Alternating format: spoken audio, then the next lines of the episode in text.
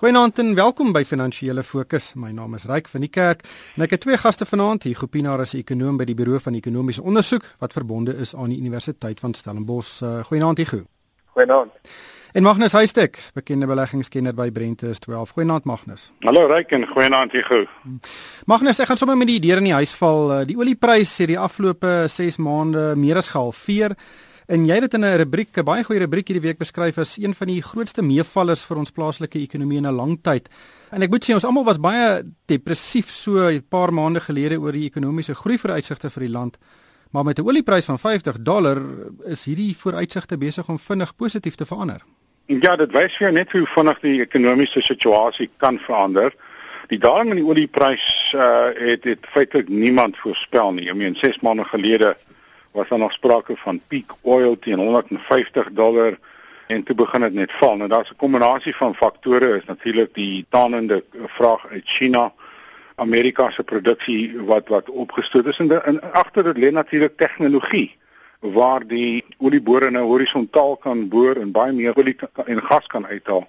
Maar vir Suid-Afrika is dit 'n baie baie welkome en 'n tydige ekonomiese inspuiting want sonder hierdie verlaging dan sou ons baie harde klippe gekou het in die begroting uh aanstaande maand. Hmm. Hier gou ja, ek weet die navorsingsgroep Oxford Economics um, het hierdie week navorsing bekend gemaak wat sê dat Suid-Afrika een van die lande in die wêreld is wat die meeste by 'n laer olieprys gaan baat. Hoe hoe kan 'n laer olieprys en ek bedoel 'n wesenlike laer olieprys soos wat ons nou sien ons ekonomie stimuleer en, en watter ekonomiese inspuiting kan dit vir ons gee? Ek dink reg die meeste direkte impak is op die besteedbare inkomste van verbruikers.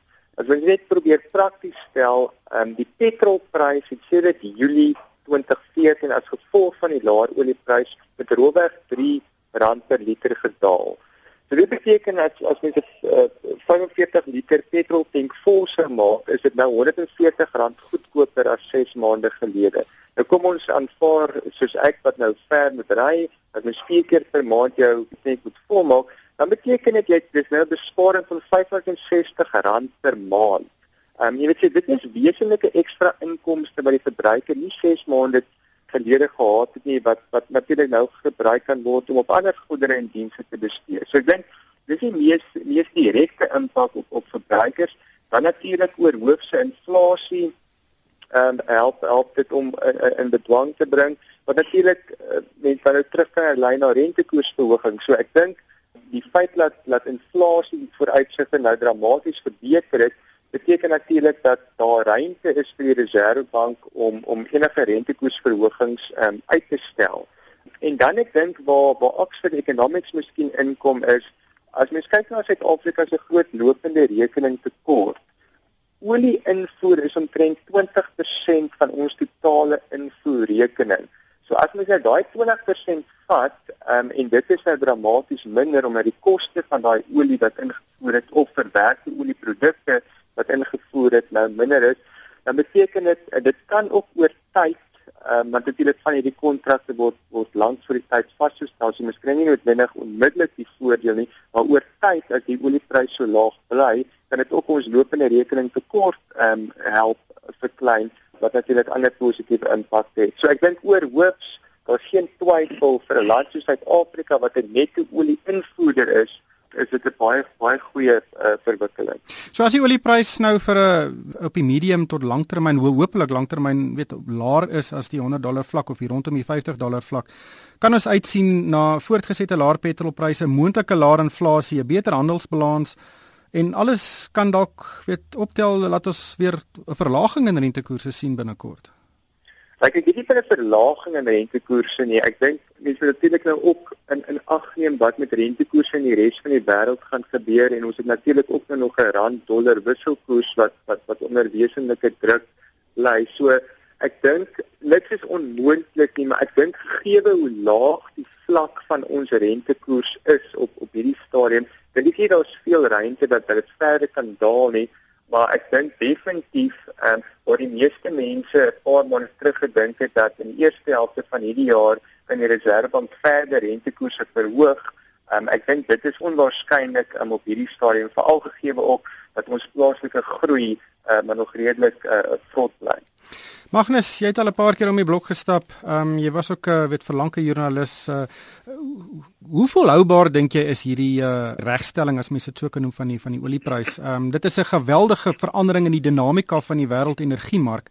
Dink jy ons kan 'n stabiele tipe van uh, prysstruktuur sien uh, oor die volgende paar maande en hopelik jare? Ja, dis natuurlik die die die kernvraag en en baie baie analiste sê dit lyk of dit semi-permanent die teen 40 en 50 dollar uh, per vat kan wees. Maar dan moet ons net oppas vir konsensus want 8 maande gelede was die konsensus dat dit bo 100 sal wees. So mense moet baie versigtig wees.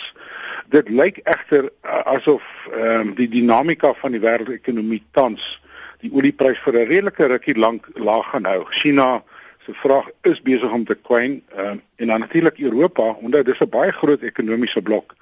Sy ekonomie is baie baie pap En dan die FSA produseer te veel. Hy wil nou begin uh, olie uitvoer. Uh, so dit kan lyk of die olieprys tussen 40 en 50 vir 'n geruime tyd kan bly wat baie baie positief is vir Suid-Afrika. Hier goed in Afrika is die laer olieprys nie net goeie nuus nie. In Nigerië en Angola, hulle ekonomie is gebou op die op die oliebedryf en hulle gaan 'n taai klap kry indien die pryse op hierdie uh, hierdie vlakke bly. Ja, ek dink daar's geen twyfel daarin nie. So as mens in na Afrika in geheel kyk dan dan is dit 'n bietjie van 'n gemengde prentjie. So dit lande soos Nigerië, Angola, Gabon, en uh, daar was 'n klompie olie produserende lande en en baie van hulle ehm um, van hulle uitvoerverdienste, staatsinkomste, oliepryse 'n uh, geweldige impak uh, daarop. So nee, ek dink definitief so, so die lande is bietjie onder druk. Uh, Mense kyk nou goed byvoorbeeld soos soos investering in in nuwe projekte met die die pryse wat so so afgekom het, is van daai pro, uh, projekte nie meer so um, lewensvatbaar nie. Um, so investering gaan waarskynlik um, onder druk kom dan nou effek op in diensneming ensovoorts. Um, kan jy eintlik ek sê op op op staatsinkomste. Um, so dink daar's geen geen twyfel uh, daaroor. Ek vind op investering um, mag net se punt dat um, die die oorprys vir redelik lank um, kan op hierdie vlakke bly. Ek sê saam daarmee, maar ek dink ons moet net bietjie versigtig wees dat die goed loop maar in siklusse en as mens kyk na navorsing wat die IMF e gedoen het, die groot rede vir die daling is nie so seer vraag nie, maar eerder aan die aanbodkant, ehm um, waar daar baie nuwe aanbod op op die mark gekom het in 'n omgewing waar vraag nie besonder sterk is nie. Maar die punt is dat die pryse op hierdie vlakke bly, dan gaan baie van hierdie investeringsprojekte wat wat in die pipeline was, waarskynlik nie uh uh voortgaan nie. So byvoorbeeld in in Amerika ehm um, die skaalgasprojekte en jy hulle gaan waarskynlik begin terugsny op op op op daai um, investering. So oor tyd behoort dit dan nou weer impak op op aanbod uh hê wat wat jy weet die prys nie bietjie kan opdruk maar ek dink uh, mag dit is heeltemal reg dit is nie oor die kort termyn kan mens waarskynlik hierdie prys sien bly op hierdie vlakke. Hmm. Magnus uh, in jou rubriek het jy onder meer verwys na die moontlikheid dat die regering hierdie hierdie meevaller kan gebruik om die brandstofheffing te verhoog en dat dit 'n hele paar gate kan toestop. Ek dink nie almal gaan baie hou van jou voorstel nie. Wanneer is dit 'n goeie tyd om belastings te verhoog? Is as dit goed gaan of sleg gaan, jy weet, uh die petrolprys het kwai geval en kan nog verder val. So daar is so 'n bietjie van 'n kussing en en soos ek sê my rubriek dis nou nie die ou vere van die gaans wat gepluk gaan word vir belastingverhogings nie, maar dis nuwe vere wat gegroei het. So ek dink van al die uh, uh swak keuses wat die regering het in terme van belasting uh en dit is baie duidelik dat hy onder kwai belasting druk is. So ek kan sê dis waar daar 'n bietjie van 'n van 'n kussing is. Kom ons gaan vat maar die geld. Daar sal mense wees wat brom. Maar die petrolprys is besig om te daal, so dit gaan nie so inflasionêr wees as om uh belasting op ander plekke te gaan soek nie, want as jy na maatskappybelasting of BTW of of persoonlike belasting gaan gaan gaan kyk, gaan dit die ekonomiese moraal baie seerder maak in my opinie as om uh hierdie geleentheid van die petrolprys uh verlaging te gebruik. So van al die van al die ewels is dit miskien die beste van van van al die ewels. Hmm. Kom ons gesels 'n bietjie uh oor Medupi en Eskom. Eskom het hierdie week weer gesê hy sy uh, elektrisiteitsopwekkingsvermoë is onder druk. Ehm um, maar hy het ook 'n interessante inligting bekend gemaak oor oor Medupi wat sy eerste opwekkingseenheid in bedryf gaan stel voordat daar sonder dat die nodige suiwerheidsstandaarde in een van sy drukketels behaal is. Nou soos ek dit verstaan, wat het jy nou hierdie ketel, jy blaas stoom aan die een kant in en dan die stoom wat aan die ander kant uitkom moet skoon wees. En dit hierdie hele proses is veronderstel om al hierdie pype skoon te maak van die boersels en goed wat daarin is nadat hy nou gebou is. Ehm um, maar ongelukkig is die stoom wat nou daar uitkom nie skoon nie. Eskom wil nou hierdie skoonmaakproses kortknip sodat Medupi vinniger krag aan Eskom kan begin lewer. Ehm um, nou Hugo, ek dink almal sal saamstem, jene, dit klink nie reg nie.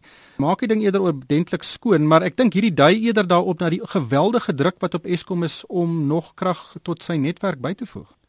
Ja, ek ek dink jy is heeltemal reg geraak en ek dink ook mense moet dit in die konteks sien van al die vertragings wat ons nou al reeds by by Medupi gesien het. Ek meen dit is letterlik jare ehm um, se vertragings. Ehm um, en en ons weet die die kragnetwerk is onder geweldige druk op die stadium daar wat ons baie onbeplande herstelwerk wat wat op hierdie stadium in um, plaasvind. So ek dink dit is in daai konteks dat hulle so alles in hulle vermoë wil doen om so vinnig as moontlik daai kapasiteit ehm um, in te stel. Maar ek dink die die gevolg daarvan is dat dat in in die toekoms um, kan mens waarskynlik dan weer in in in probleme hardloop as as die ding nie aan die begin af reg gedoen word nie. Hmm. Magnus, wat is jou siening hieroor? Ek stem saam. Ek dink eh uh, Eskom se probleme is groter as wat ons eh uh, dink of wat hulle toegee. Men hierdie week was of die vorige week was 'n stil week gewees en en desondanks was Eskom uh, reeds onder druk en as in die fabrieke en die myne en en die kantore begin aanskakel uh, in die week wat vorentoe lê, dan gaan ons sien dat Eskom se se netwerk is onder druk. Ek het toevallig kliënte wat by Madupi ingenieurswerk doen en hulle vertel vir jou net allerlei stories wat jou hare laat rys. So ek dink die Madupi storie gaan nog lank by ons spook en ek dink jy's heeltemal korrek. Daar's politieke druk mens en sens om daai ding klaar te maak so gou as moontlik. Hmm. Ons sal dit in elk geval fyn dophou. Net laastens Magnus, die beurs, ons het maandag uh, amper 'n 4% daling gesien. En uh toe Dinsdagoggend word die markte wakker, hulle het heeltemal van Maandag vergeet en van uh, van Dinsdag af styg die mark weer en wis daai uh, daling sommer vinnig vinnig uit. En die markte is volatiel in hierdie stadium, daar's baie onsekerheid in die markte, maar jou hoëgehalte aandele is besig om baie goed te doen. As jy kyk na byvoorbeeld Naspers, ons grootste aandeel wat uh uh verlede jaar met amper 60% gestyg het. Hou hou net aan met styg. Uh dan die Aspens en net en Netcares en en daai tipe van maatskappye so die goed die gehalte maatskappye doen nog steeds goed. Ons weet nie wat gaan gebeur in die res van die jaar nie, maar dit kan dalk uh baie wisselvallig wees. Mense moet hulle nie steur aan wisselvalligheid nie. Dit is dit is deel van die spel. Een van die aandele wat nogal ehm um, baie aandag kry op die oomblik is Sasol omdat hy so pak slaag kry weens die lae olieprys. Wat is jou siening van Sasol? Ja, kyk Sasol moet jy maar weet is, is gekoppel, sy voorspoed is gekoppel aan aan die die olieprys en die randwisselkoers. En hy het natuurlik kwai pyn gevat, maar op 'n kol sal dit weer 'n koopgeleentheid wees. Jy moet net weet wanneer dit is en en ek ek weet nie, maar ander mense weet dalk, maar dit is maar 'n sikliese aandeel in hierdie stadium. Kommoditeite kry baie seer en kan nog dalk seerder kry hierdie jaar. Kan ek jou vra koop jy hom al vir jou kliënte? Sassos, ek koop nie spesifieke aandele nie. Ek ek, ek, ek soek 'n tema en dan koop ek die tema. Jy gaan net laastens die wisselkoers, dit is ook so 'n belangrike ket, weet skakel in in die Suid-Afrikaanse ketting. Wat dink jy is die vooruitsigte van die rand uh, vir die res van die jaar? Ek dink ons moet mense dit onderskei tussen die rand teenoor die Amerikaanse dollar en die rand op 'n op 'n geweegde basis op teen 'n mandjie van Suid-Afrika se belangrikste handelsvennote. Nou ek dink die Amerikaanse dollar gaan die rand onder onder druk bly. Dit is duidelik dat daar's baie faktore wat in die guns van die Amerikaanse dollar is.